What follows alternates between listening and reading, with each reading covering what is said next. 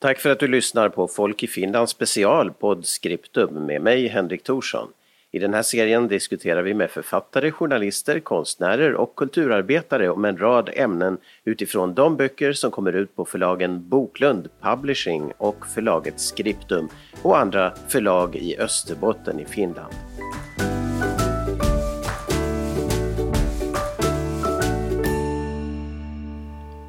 Ja, välkomna till Podscriptum, det här programmet där vi pratar med författare och eh, personer om ämnen från böcker som framförallt saluförs på boklund.fi. Det är ju en hemsida för böcker i Finland och eh, eh, framförallt då också förlaget Scriptum, det heter ju Podscriptum det här programmet.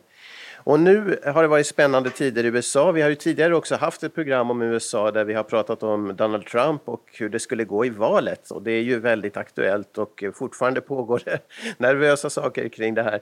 Och eh, Skriptum är ju stolt över att ha en eh, författare som är duktig på de här frågorna och dessutom nu har kommit ut med en bok som heter Trump och hans värld och eh, författaren i fråga är alltså med oss idag för att diskutera vidare. Välkommen Klaus Stolpe! Tack så mycket, tack så mycket. Ja, hur är det nu? Din bok är nu precis här i händerna på dig strax. Så hur känns det då? Nej, men det är ju klart att det känns bra. Det är ju som, eh, ja, man kan väl, jag tror väl vem som helst som hör på det här kan identifiera sig med, jag menar om man har byggt ett vedlider på stugan eller någonting annat. Man har hållit på med någonting en tid och så, och så är det färdigt och då, då är det ju en känsla av ja, tillfredsställelse eller befrielse kanske till och med eller någonting sånt. Sen efteråt kommer man på att det där vedlider kanske borde haft en annan färg eller varit lite större eller något annat men det, det är sånt man får ta helt enkelt. Men svaret är det känns, ja, det känns bra. Ja, eh, vi ska säga någonting eh, vad du gör annars och vem du är också bara så lyssnarna vet det innan vi pratar mer om boken och om USA överhuvudtaget. Ja, så vem är du och vad har du för vanligt jobb så att säga? Ja, alltså jag jobbar ju som universitetslektor vid Åbo Akademi, men alltså Åbo Akademi i Vasa, för att det finns ju en, en del av ÅAs verksamhet är ju förlagd hit, lite längre norrut helt enkelt. Och där så undervisar jag i statskunskap, offentlig förvaltning och politisk historia. Det där är ju ganska ovanligt då att man undervisar i tre olika ämnen, men jag råkar nog vara råkar vara intresserad av olika grejer helt enkelt. Så att eh, jag är doktor i statskunskap, det är, alltså det är ganska många år tillbaka, det var slutet av 1997, så dis disputerade jag på en avhandling som gick ut på att jämföra olika presidentvalsmetoder och liksom se på ja, svaga och star respektive starka sidor av, av dem. Och sedan så, det där var alltså 1997 och sen 2011 så så blev jag doktor i historia och det hade egentligen att göra med att jag började intressera mig för presidentvalskampanjer. Mm. Jag, började, jag hade jobbat ganska länge med det så tog jag kontakt med historikerna i, i Åbo och frågade går det liksom att fixa en doktorsavhandling av det här. De måste ha varit ganska förvånade de får en sån förfrågan med. men att ja, okej, okay, jag blev ju tvungen att göra om en massa, men att det, det var en intressant process naturligtvis. Så att det, resulterade till sist i en doktorsavhandling, liksom en utvärdering av USAs presidenter kort och gott. Ja, men det, ni som är inne i den där branschen att doktorera, ni, ni kan väl slänga fram en lite en ny sådär bara utan det verkar lite så att man är inne i, i det slöjdandet och så klarar man det där eller? Nej, det, nej det, det, är ganska jobbigt. Alltså det är ju klart att då det är över så, är det, så känns det bra. Mm. Jämför det med en maratonlopp eller vilka klichéer som, så, som helst. Mm. Jag tänkte dra en parallell till banafödande, det har jag ingen personlig erfarenhet av. Maraton har jag faktiskt sprungit men, att, ah, nej, ja. men det, det, det, det, är alltså en ganska tung, tung process att utsätta sig för helt mm. enkelt. Så att, eh, och jag menar det där var ju nog av, av så att säga kärlek till konsten för att det var ju ingenting jag, jag liksom behövde nej, på, nej, på, på, på, på, på, något sätt. Men att ja, men var och en som hör på det här så kan väl på något plan identifiera sig mm. i att blir man nu jätteintresserad av något så, så jag menar då, någon, någon blir liksom hooked av dataspel, vilket jag liksom aldrig i livet skulle börja på med, tror jag. Eller spela, eller spela på hästar, det, det, jag är inte lagd åt det hållet heller. Inte så att. Nej, man måste ju bejaka människans passioner. Men eh, ja, ja. när det gäller passionen för, för det här då, hur blev det då den här boken om eh, som nu handlar om Trump och det. Vad föddes den ur för behov hos dig? Ja, jag är ju förstås intresserad av de här grejerna. Jag tycker om att sitta och surfa på nätet och läsa artiklar från amerikanska dagstidningar och, och, och, och sånt. Mera nätsurfande än att jag skulle titta på tv egentligen. Men att eh, sen då så var ju Trump en så pass eh, speciell liksom till sin läggning och person, så jag tror att skulle, skulle han då ha förlorat mot Hillary Clinton så är det inte sagt att jag skulle ha varit lika på bettet att skriva en bok om, om henne, men att eh, det är ju, det var ju, men det saknar ju inte, säga vad man vill om Trump, men att det saknar ju inte underhållningsvärde i alla fall, så att man satt ju med munnen öppen i fyra års tid ungefär, om man tar det karikerat, så att i något skede så kom jag väl på mig själv helt enkelt med att sitta och föra anteckningar så att jag kan inte säga vilket datum som den här idén föddes men jag skulle säga att det, man kan nog spåra det ganska långt tillbaka i hans eh, eh, presidentkarriär, alltså att det var nog redan liksom de där första, första år, typ 2017 eller 2018 som den där tanken på något vis, på något vis föddes. Och, men jag menar det här är ju då, vilket då var och en förhoppningsvis förstår att det är ju inte något som jag har sysslat med på heltid utan det är ju bara att man printar ut lite artiklar och har, har i en hög någonstans och sen då man får lite mer tid över typ man är mittemellan två kurser eller man har avverkat en hög med tent, tent, tenträttningar och, och så vidare så kan man plocka fram då det här, mm. liksom, ja, det andra helt enkelt. Men det är ju många böcker om Trump eh, har kommit och, och, och kommer också nu. Så i den floran, vad skulle du säga att den här boken som du har skrivit eh, för Skripten förlag då ligger någonstans och vad den handlar om så här? Ja, alltså jag, då jag har den bakgrund jag har så, så så försöker jag lägga in Trump i ett historiskt perspektiv mm. och jämföra honom med andra presidenter. Så att där, där kommer ju ett, ett tillägg plus att jag eh, finns kanske förhoppningsvis ett mervärde i att skriva, skriva en, bo, en sån här bok på svenska för att eh, de andra är skrivna i regel då på, på engelska. Okej, okay, det finns säkert på tyska och franska och, och, och, så vidare. Någon fransk eller tysk nörd som, som är likadan som mig och intresserar sig för, för det här. Men att det blir ju kanske då ett på köpet kommer ett mer sådär nordiskt perspektiv att försöka sätta sig in i den här situationen att varför är det liksom 60-70 miljoner människor som går och röstar på honom liksom med den stil han har? Och, och jag tänkte säga trots den stil han har men det är också tack vare därför att det är ju det, är ju det här många säkert som inte skulle gå och rösta överhuvudtaget annars men att nu är det då någon som liksom ja, kommer och ger en näsbränna åt etablissemanget och så tycker man att allt han säger är kul eller åtminstone så tar man fasta på vissa saker och sen har överseende med allt annat, vilket ju är ett helt fantastiskt fenomen för normala fall får ju politiker liksom äta upp enskilda kommentarer som de har slängt ur sig men mm. i hans fall så någon som är emot abort eller så, så nöjer sig med det och struntar i resten att han har liksom stått och imiterat någon, någon journalist som har några spasmatiska rörelser eller, eller att det kommer uttalande av sexistisk art eller rasistisk art eller något annat, men man liksom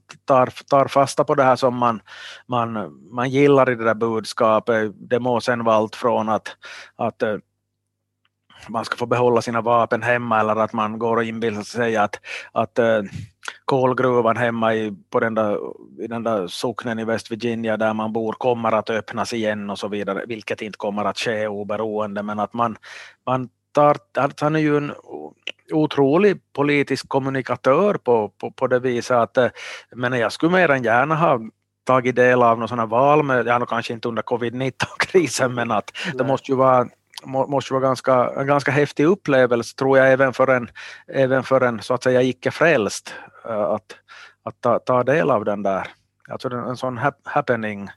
Men om man talar om, om just det här som du säger att hans, hans sätt att uttrycka sig kan kritiseras men det hotade honom ju aldrig.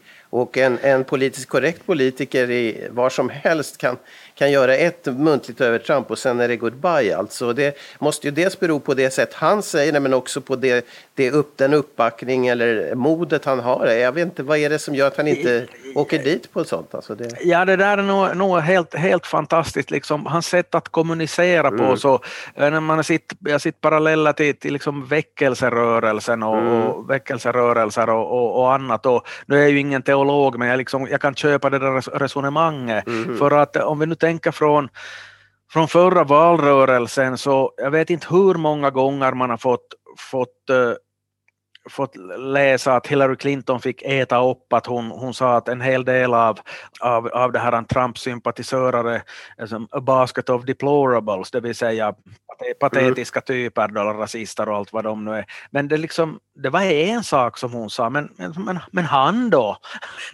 det, det, det är helt fascinerande. Så det, det blir ju en sån här alltså en verkligt motsägelse, direkt paradoxal grej att det är som om de där grejerna skulle drunkna i varann på något vis, att man, mm, ja. man, glömmer, man, man glömmer bort det sen tills för det kommer så mycket annat helt enkelt. Kan det vara så att han, han också genom att han inte själv bryr sig och inte behöver vara, han, han signalerar att han inte är politiskt korrekt, då, då, då är det ingen som kan angripa honom med att behöva vara det heller. Nej, eller nej. Det som upp, upphäver sig självt på något sätt.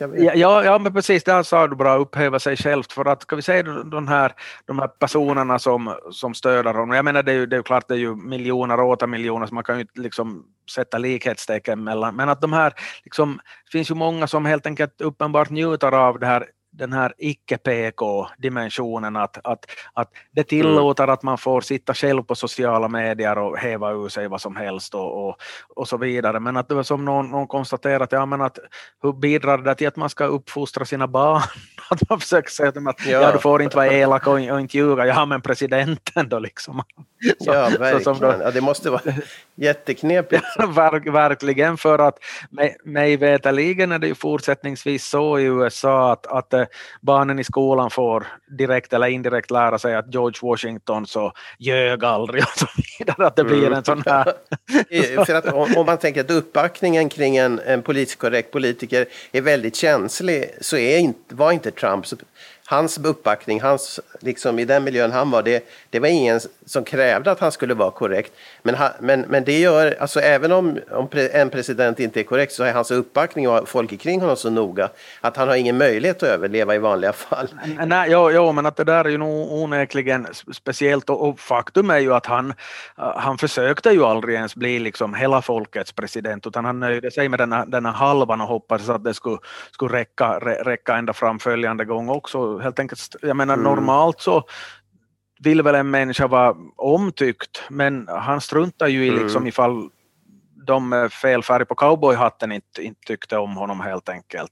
Så att det där, det mm. där är ju så oerhört märkligt på, på, på många sätt och, och, och jag menar nu då oberoende om, om man tar Biden eller om det skulle ha varit någon annan, vilken som helst som skulle ha blivit nominerad av, av Demokraterna, så de har ju ändå en annan typ av målgrupper. Det är ju inte den här rednecken med, med, med keps och en rostig pickup och ett hagelgevär utan, utan de riktar ju sig till liksom, folk som kan vistas i möblerade rum på ett, på ett det var elakt, men att, ja. att är, jag karikerar ja. medvetet här så att, mm, att, eh, mm. att en, en demokratkandidat så skulle inte kunna liksom häva ur sig en, en bråkdel av, av, av det där utan att ha som fått de egna emot sig. Inte kanske så att de personerna skulle ha gått och, och, och röstat på på Trump, men jag menar stanna hemma så, så då, då är det ju en nettoförlust för den som i annat fall skulle ha fått deras röst.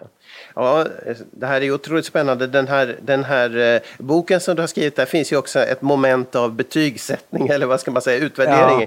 Där du i alla fall jämför Trump med tidigare mm. presidenter. Och, eh, och, ja, för att få en lite balanserad bild av honom, om det går nu. Så, så vad kommer du fram till där, eller, eller hur går du tillväga? Ja, alltså, grejen är det att då jag, jag skrev den här doktorsavhandlingen i tiden, där Bland åsnor och elefanter syftar alltså inte på personligheterna hos presidenterna, utan på personligheterna hos presidenten. Mm. Utan på det, Nej, det är ju roligt. roligt ja, det syftar ju alltså på de här eh, symbolerna för partiernas symboler och eh, den kom 2011. Sen gjorde jag en mer sån här populariserad uppföljning två år senare den amerikanska drömmen, uh, så, som alltså i stort sett är samma bok men att mer sådär med anekdoter och grejer. Den är roligare att läsa helt enkelt.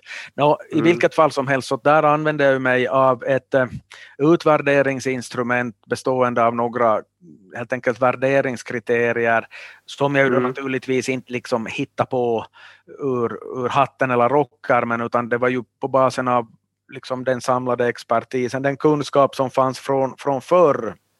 Mm. Eh, för att det har ju gjorts tidigare undersökningar med liksom av mer eller mindre jippo artade inslag men att jag, jag lutar ju mig då mot, mot liksom, eh, seriösa analyser och rangordningar och, och skapar då ett utvärderingsverktyg av det där och på basen av det då så så gjorde jag en utvärdering av, av, av, Donald Trump och det där så antar jag väl att jag kommer att få kritik för oberoende hur man skulle ha gjort därför att eh, mm. även här hos oss så, så finns det ju folk som tycker att Donald Trump är liksom en alldeles prima typ. Mm. De allra flesta tycker väl att han inte är det därför att eh, vi har en annan typ av hjärtefrågor här och, och kanske mer snabba att bestraffa det här dåliga beteendet och sånt men, mm. men att eh, inte skulle jag ju ändå de flesta man pratar med så utgår ifrån att han är den, han är den sämsta president som USA har haft men, men mm. grejen är ju att äh, även om jag nu inte kanske har så hög, höga tankar om Donald Trump så konkurrensen om att vara den sämsta presidenten så är den är ganska hård för att det har funnits en del, en del rätt speciella personer där. Eh, till exempel de som, de som kom strax före Lincoln och strax efter så är de är alltså inte bra. Jaha, uh, okej. Okay. Och vad betyder det? Att de, att de nej, inte... alltså helt enkelt var så pass klantiga så att det ledde fram till ett inbördeskrig och sen efteråt var man, ja. de som kom efteråt så var oförmögna att liksom göra någonting vettigt av, av situationen. Att om vi nu tar en, uh, det var en som hette Millard Fillmore som blev president 1850, han var, han var egentligen vicepresident men före killen före så dog. Och mm -hmm. han, försökte, han drev igenom ett lagpaket med kompromisser som skulle liksom bromsa upp den här trenden som gick i att bromsa upp den här splittringen av landet helt enkelt, men att bland annat mm. så ingick det att man skulle man förpliktiga myndighetspersoner i norr att hjälpa till med att att fånga in förrymda slavar och skicka tillbaka dem till södern. Och det där gjorde att folk i norr som inte ens brydde sig speciellt mycket i slaveriet så blev slaverimotståndare via detta därför att man upplevde sig degraderade till någon form av hantlangare åt de där slavdrivarna söderut. Sen efteråt så kom det en kille som hette Franklin Pierce som vann 1852 och han eh, han det här för att blidka sydstaterna så bidrog han att driva genom en lag där nya delstater, det vill säga den del av av dagens USA som är precis där i mitten, alltså norr om Texas men uppåt, att, mm. att, att där skulle man själva få, då, då de territorierna skulle ombildas till delstater så skulle människorna där själva få besluta om slaveri. Det Mm. Det kunde ha gjort liksom att slaveriet skulle ha brett ut sig till kanadensiska gränsen helt enkelt och det var ju inte heller riktigt lyckat eftersom trenden ändå gick mot mer och mer kritik mot slaveriet och sedan 1856 så var det en den som vann då, så, som du märker, så varken Fillmore eller, eller Pierce blev aktuella för omval om vi uttrycker så ja. diplomatiskt. Och samma yes. gällde han som kom efteråt och James Buchanan, för han var också en sån här som helt enkelt gjorde allt för att att liksom blidka sydstaterna och eh, mm. till och med sen efter att Lincoln hade vunnit och sydstaterna bröt sig ur så, så tyckte han inte att han hade någon rätt att liksom förhindra dem att göra det helt enkelt. Hur har då Trump klarat sig när du tar upp de här förfärliga exemplen? Hur kan man säga att Trump har klarat sig i jämförelse? Ja, grejen är ju det att, att han har ju liksom åtminstone än så länge så har han ju inte bidragit till att något inbördeskrig har, har brutit ut. Och sen måste man ju också nog betona en sån här grej att, att han är ju inte liksom liksom impopulär eller hatad på det sätt som, som många, många av de här andra har varit. Så att, att om, man, om man tar med popularitet som ett mått på, på liksom en på ett stort presidentskap så, så mm. där så hör han ju absolut inte till bottenskrapet för att eh, man var ju de facto inte så himla långt från att, att bli, bli omvald för eh, jag menar mm. om vi nu tar och summerar valresultatet så väldigt snabbt så, så de här de här fem delstaterna där det skilde mellan 0,2 och 0,7 procentenheter, så de var fem till antalet och skulle han ha vunnit, okej okay, de är ju olika stora men att, att grejen är i alla fall skulle han ha, Trump ha vänt på steken i tre av de där fem så skulle han ha blivit återvald helt enkelt. Ja. Så att i termer av popularitet så, så har han ju inte liksom klarat sig så himla dåligt ändå. Och jättemycket röster, jag menar trots att han förlorade, eller hur? Jämfört med hur det brukar vara, var det inte så? Jo, jo, jo, jo, jo därför att valdeltagande var ju högre än, än, än vanligt.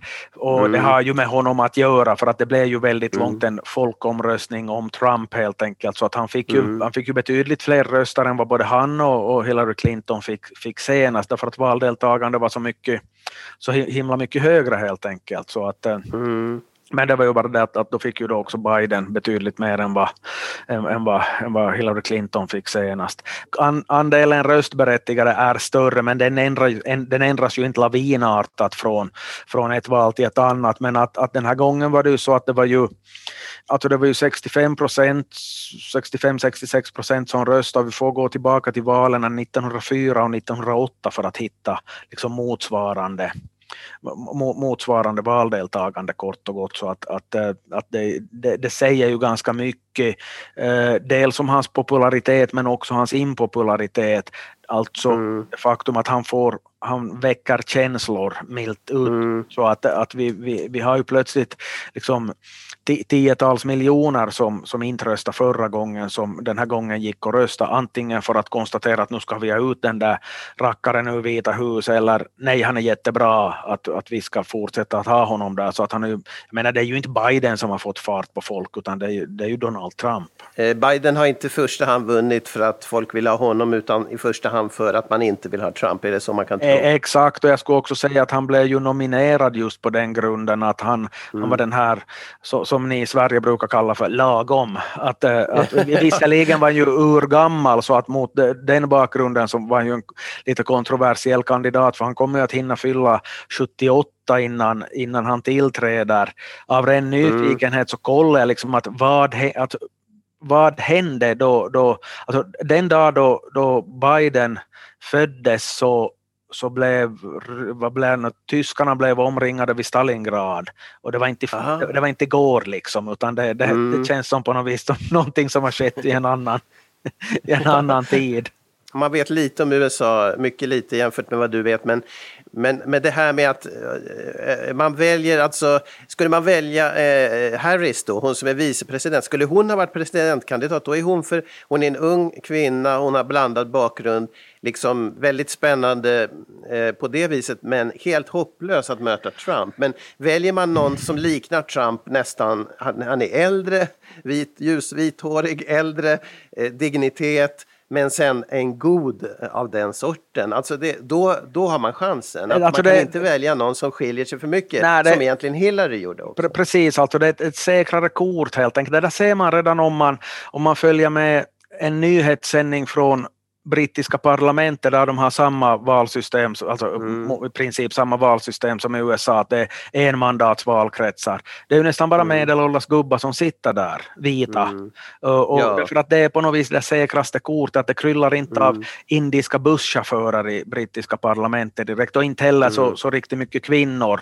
Likadant mm. i senaten och representanthuset i USA, att skulle man ha ett proportionerligt valsystem så skulle det finnas mycket fler kvinnor där än vad det finns idag. Okej, nu är de ju rekord många men att procentuellt sett är de ju väldigt få. Så att mm. att äh, du tog en parallell till Harris, det var ju trevligt att du tycker att hon är ung för hon är jämnårig med mig men att, att äh, tusen tack för det, jag har kvällen räddad via det där. Men att, men att, så ung är hon ju inte, men hon är yngre än dem. Ja, hon är, hon är 55 56 är hon förresten. Så att, uh, men okej, okay, Harris är, ett exempel, men vi kan ju också ta Bernie Sanders. Att mm. it, it skulle ju han ja. ha, jag, jag, kan inte tro att han skulle ha vunnit. Okej, okay, han är ju då dessutom ännu äldre än Biden.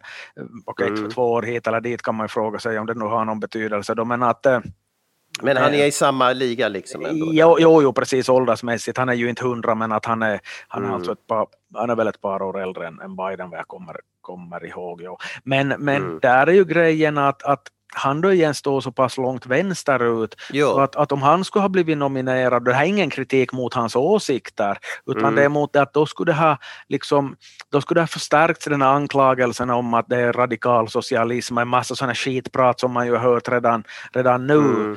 Eh, Mm. Men att då, då, skulle man ju haft lättare att hitta exempel på att, jo, att han vill förstatliga en det ena än det andra eller något, något sånt. Då är ju inte Sanders heller någon extrem vänster enligt liksom ditt och mitt och lyssnarnas sätt att se på, se på saken, men i ett amerikanskt Mm. perspektiv så stod han längre vänsterut. Så att, jag, jag, att det där var ju en sak som diskuterades redan för fyra år sedan då folk var sura över att Trump vann och konstaterade att ja, skulle de ha nominerat Bernie Sanders så skulle, så skulle han ha vunnit. Det, tro, tror, Mm. det, det tror jag faktiskt inte. Därför att det Nej. skulle ha liksom fått fart på andra krafter och mo- mobilisera sådana som, som är, är då rädda för, eller som är mottagliga för det här socialismspöket. Vi kan ta ett exempel här nu också, att, att eh, Mm. Eh, eller exemplen är ju bara att liksom välja och vraka ur ett ymnighetshorn, men, men om vi tänker oss då det hade varit den här eh, de- tv-debatten mellan vicepresidentkandidaterna Pence och Harris så, så går, går då Trump ut och så säger han ju att ja, som allihopa kunde se så var Pence totalt överlägsen i den debatten. Det kan diskuteras vad man Mm. tyckte. Det, väl att man läs, det hade har väl må, många bestämt sig för vem de tyckte att, att hade vunnit debatten. Men det spelar mindre roll, men det som Trump sedan sa och upprepar vid flera tillfällen, alltså han kallar ju henne för både monster och kommunist. Nå, Mm. Nu kan man ju då diskutera vad ett monster är för någonting. Det är ju lite I svårt. det här sammanhanget, Ja, svår, det är svårt att säga. svårdefinierbart, men att kommunist så kan jag liksom förklara ganska, ganska bra vad Mm. det handlar om.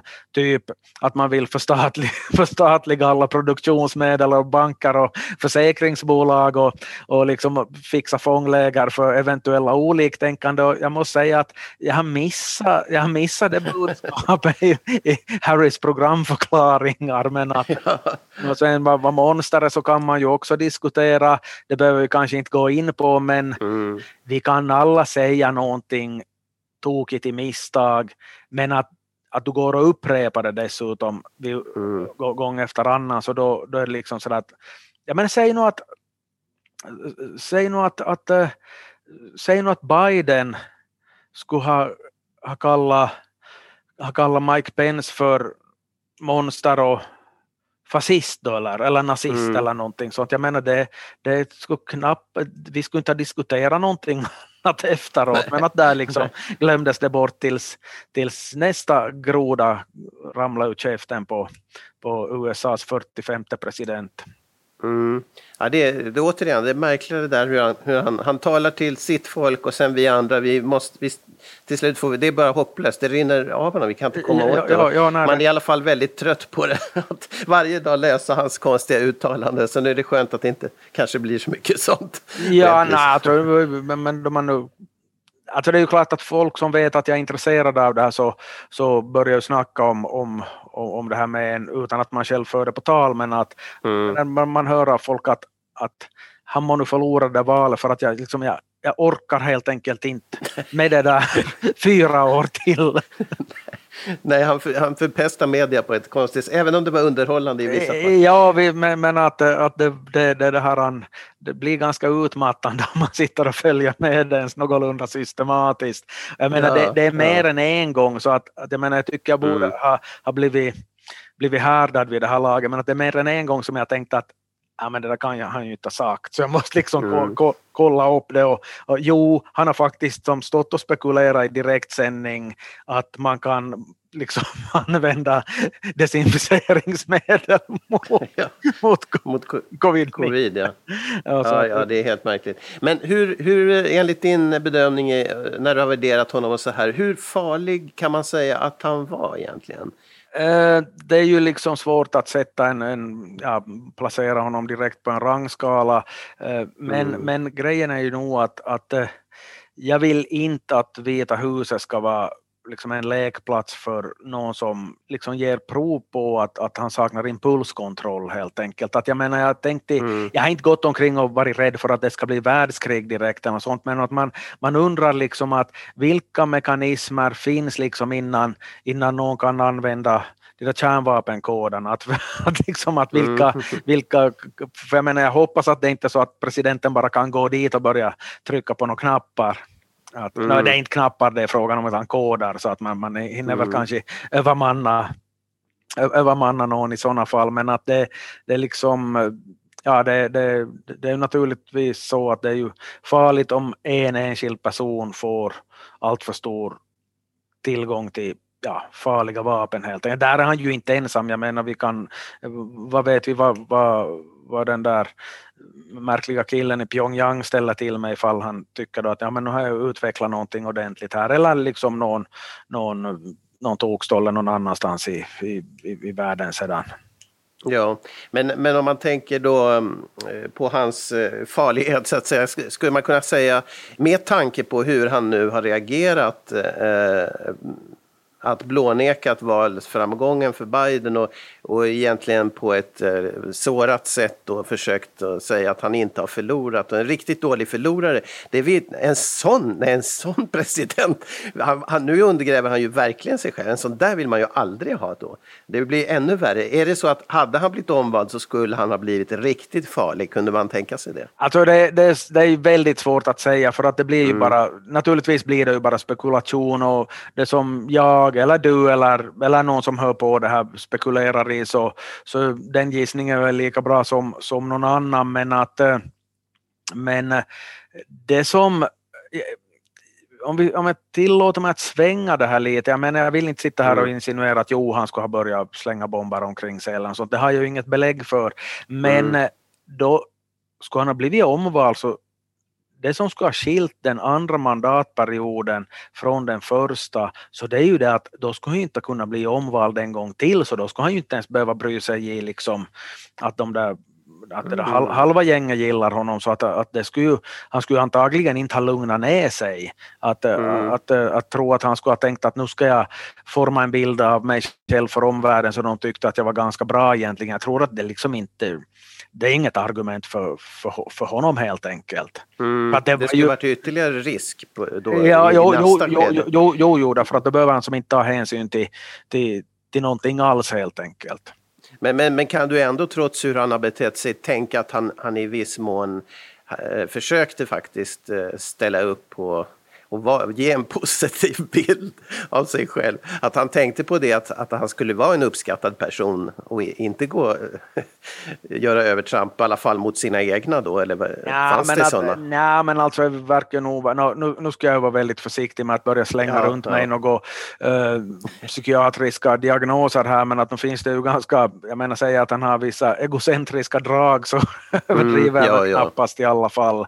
Och uh, men någon hänsyn till, till hans, sin ja, egna väljare? Jag tycker inte liksom, för att om du nu ser på hans närmaste medarbetare också, så mm. att han mm. hade ju inga som helst skrupler att slänga folk under bussen helt enkelt, att de åkte ja, ju ut på öronen eh, med, alltså med, med, väldigt, det var ju väldigt låg tröskel till, till sånt och eh, en sak mm. som, som eh, det var en, en alltså en alltså en jurist som, alltså som erfaren domare och så vidare, så, som jag märkte att blev orolig här och det är alltså ingen, ingen sån person som tror på konspirationsteorier och sånt, men att, att han tyckte att det var ganska obehagligt märkte jag då Trump alltså kickar försvarsministern efter att han har förlorat presidentvalet. Att, att, yeah. att, att det, liksom det formligen inbjuder ju till tankar som inte är trevliga. Att har han försökt få den där killen att iståndsätta någon statskupp eller något, ja, och, sånt, det, och den här inte går med på det och så skaffar han dit någon annan istället. Det finns ju inget belägg för sånt men att,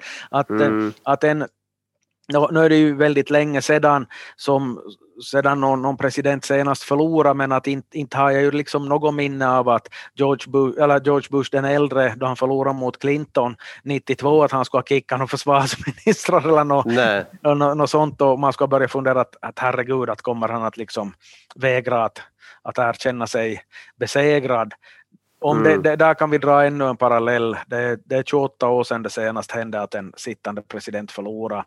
Då Bill Clinton inleder sin presidentkarriär, han kommer till ovala rummet och så hittar han alltså ett handskrivet brev av George Bush som jag kan inte utan till men att det var alltså personligt att, att ja, det gick som det gick, men att, att du ska veta det att, att jag är på din sida nu, att, att, att jag, jag vet ju hur det här jobbet är så att uh, se nu till så att du ringer ifall det är något liksom. Kanske inte med just de orden men, men att, att av någon mm. anledning så har jag en känsla av att, av att Joe Biden kommer inte att hitta en likadan lapp. Nej, nej, det lutar åt det. Ja, det är faktiskt så. Att jag men, I sådana fall skulle jag vara mer benägen att tro att, att Trump inte kommer att närvara vid, vid presidentinstallationen till exempel, därför mm. att, att han har svårt att finna sig i en roll eller svårt, han tycks ha omöjligt att finna sig i en roll där han liksom inte står i centrum. Mm. Och, och, det kommer han inte att göra på, på nästa presidentinstallation, så det, det, är, det är liksom inte kul. Cool.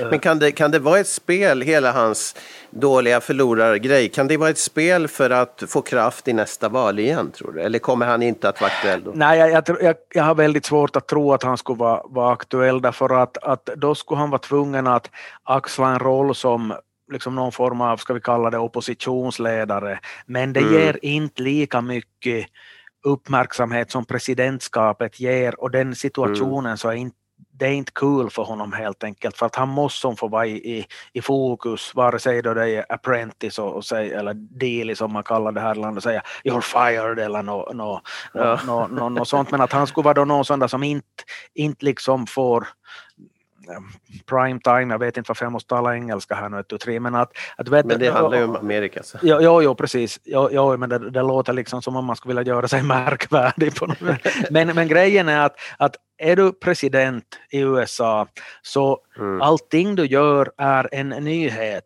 Det är en nyhet mm. då, då Trump far och golfar.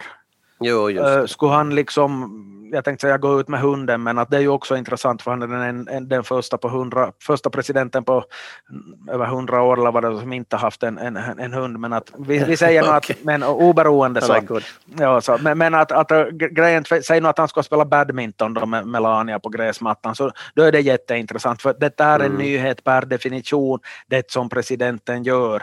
Mm. Det, det som den före detta presidenten gör även oberoende vad han gapar och skriker, så det, det, har inte samma nyhetsvärde och då i Donald Trumps värld så är det inte skoj. Nej, nej precis. Och, och det mot, den, mot den bakgrunden så är jag också liksom ganska förvånad över hur många som spekulerar i det här att, att han skulle ställa upp på nytt 2024 för att jag, jag, mm. jag, har, jag har faktiskt svårt att, att se det där och nu vill jag understryka att inte har jag heller någon kristallkula men att liksom med, med det som man har sett här nu under, under några år så det, det är liksom, jag har, jag har svårt, att, svårt att se honom i den, i den rollen helt enkelt.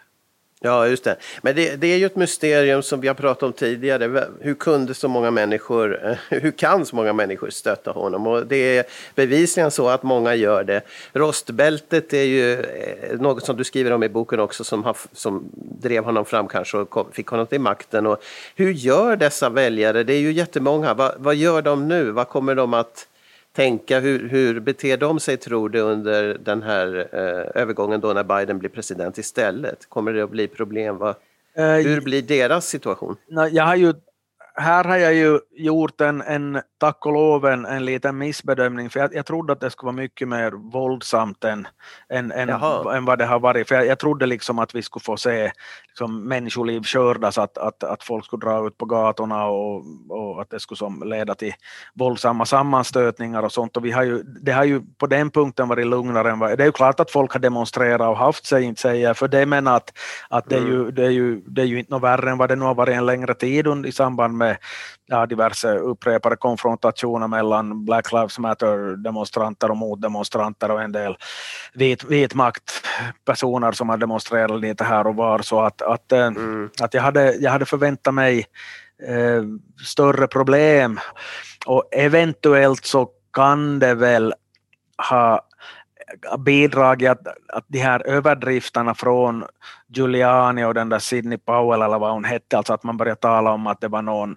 någon eh, Venezuel, alltså någon kommunister från Venezuela som har, har liksom pimpat de där röstningsmaskinerna och sånt och så skyller de på Hugo Chavez. Att han, dog ju, han dog 2013 så att han, till det kan han inte vara skyldig i alla fall men att hon, hon, hon kanske syftar på den där Maduro då, men att, att eh, att det, det, kan ju hända mm. att det är en och annan som har börjat tänka efter att hej väntas nu att, att vad, vad är detta frågan om helt enkelt. Mm. Och eh, sen är det ju också nog det att även om republikanerna har liksom varit Trumps parti så att om vi nu tänker att, att det är ju klart att det är en, en, en del av de här sen, folk på centrala poster som har stött Trump här efter, efter valdagen. Men sist och slutligen är de ju inte så riktigt många. Att om vi tänker helheten så om vi har mm. då avrundat lite över 50 senatorer från Republikanerna och ungefär 200 i representanthuset, så vi snackar ju om 250 rikspolitiker och inte hade,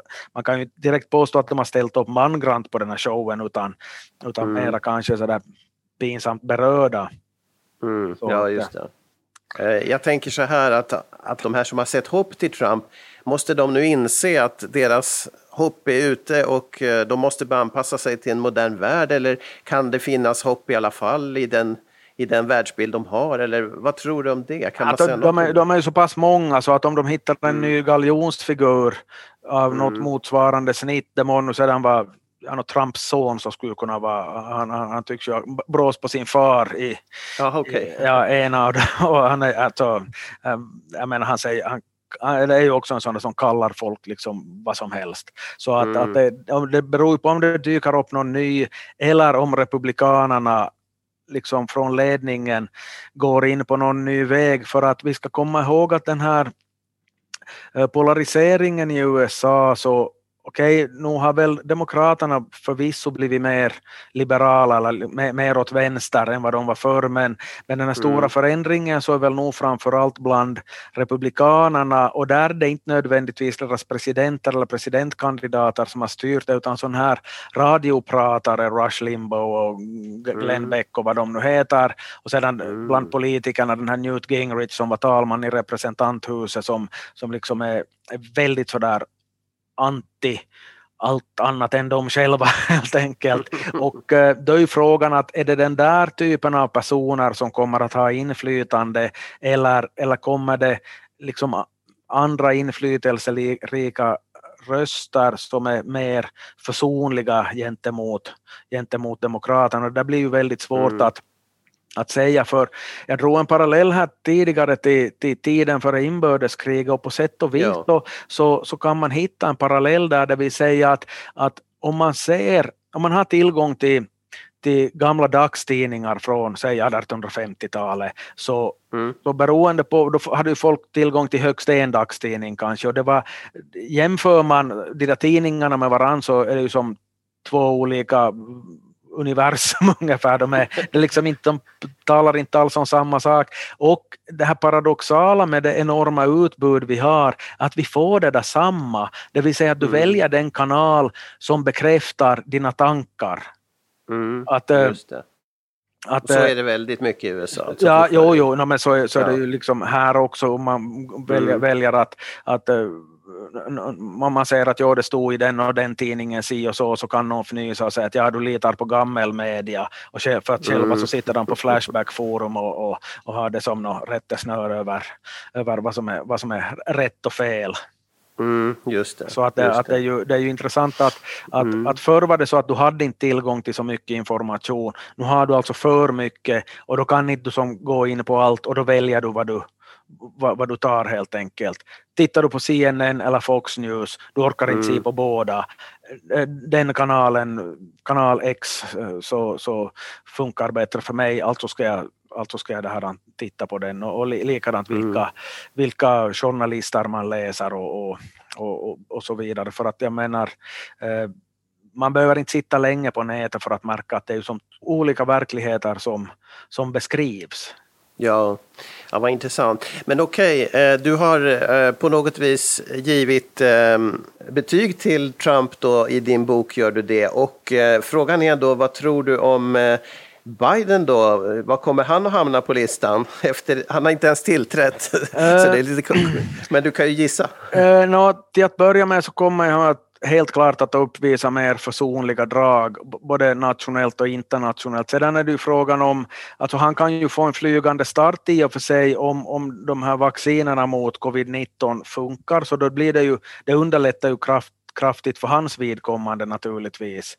Mm. Tror ju att det blir som mer försonliga drag, försök till en utsträckt hand över partigränsen, oklart om det lyckas, men äh, utmaningarna är ju naturligtvis enorma därför att det handlar ju inte bara om republikanerna som kanske är sura då för att Biden vann utan det är ju också stora krav från liksom den vänsterflygeln inom hans parti att hej att vi hjälpte dig att bli president att nu får du se till att eh, göra Obamacare ännu mycket bättre och så vidare. Så att det kommer ju att, jag menar där kan man snacka om att, att vara utsatt för ett korstryck från höger, att det kommer krav från höger och vänster för det, det är liksom det som kommer att, att ske i faktiskt ordets rätta bemärkelse.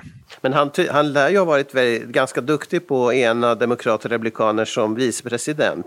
Att han, han hade hand om det ganska mycket. Kan, kan det leda till att han också är duktig här att ena de olika falangerna tror du eller blir det hopplöst, eh, hopplöst jobb alltså? Att om de nu ska få bukt med covid-19 så tror jag att saker och ting kan lugna ner sig ganska mycket mm. och då kan det underlätta liksom resten av, av de här processerna också. Jag tror inte att han får vänsterflygeln i, i, i Demokraterna att, att eh, komma bra överens med högerflygeln inom Republikanerna för att det är liksom för långa avstånd men att det ändå att, att det inte hela tiden skulle vara den här enorma pajkastningen och att man liksom per definition inte kan tycka att, att motparten kommer med en bra idé eller no, no, no, någonting sånt. Men att jag tror att han kommer att ha en nedlugnande effekt för han är ju, alltså killen, killen har ju varit i rikspolitiken sen sen alltså Nixon var president då, då Biden mm. blev invald i senaten.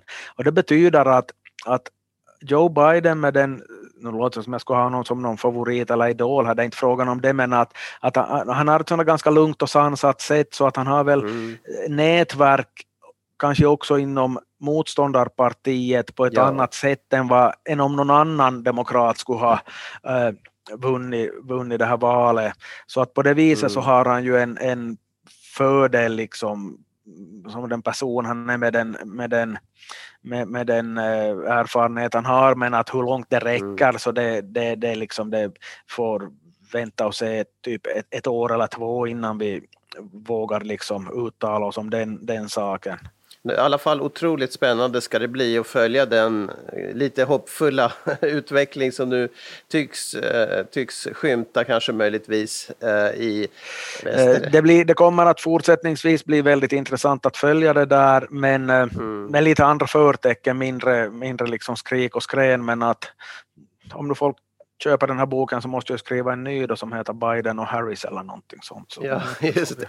Men vad, vad hoppas till. du, när det gäller den boken finns alltså på Skripten förlag, Trump och hans värld.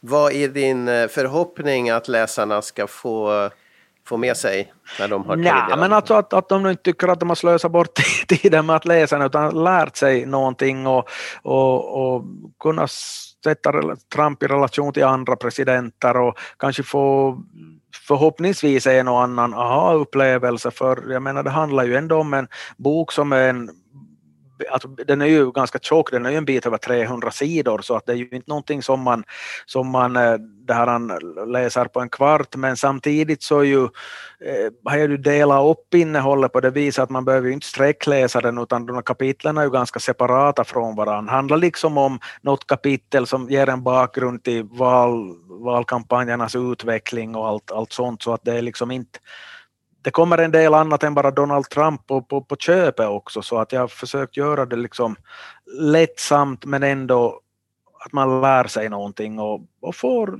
tillfälle att stanna upp och reflektera och naturligtvis behöver man ju inte hålla med vad jag skriver. Det, det är liksom, den friheten har ju, har, ju, har ju en läsare, det är en frihet som jag tar mig själv då jag också läser så att det go ahead som vi säger i Vasa.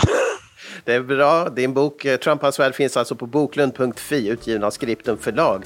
Det här var en spännande timme, det var en spännande stund. Klaus Stolpe, tack så mycket för din medverkan. Ja, tack själv, tack själv.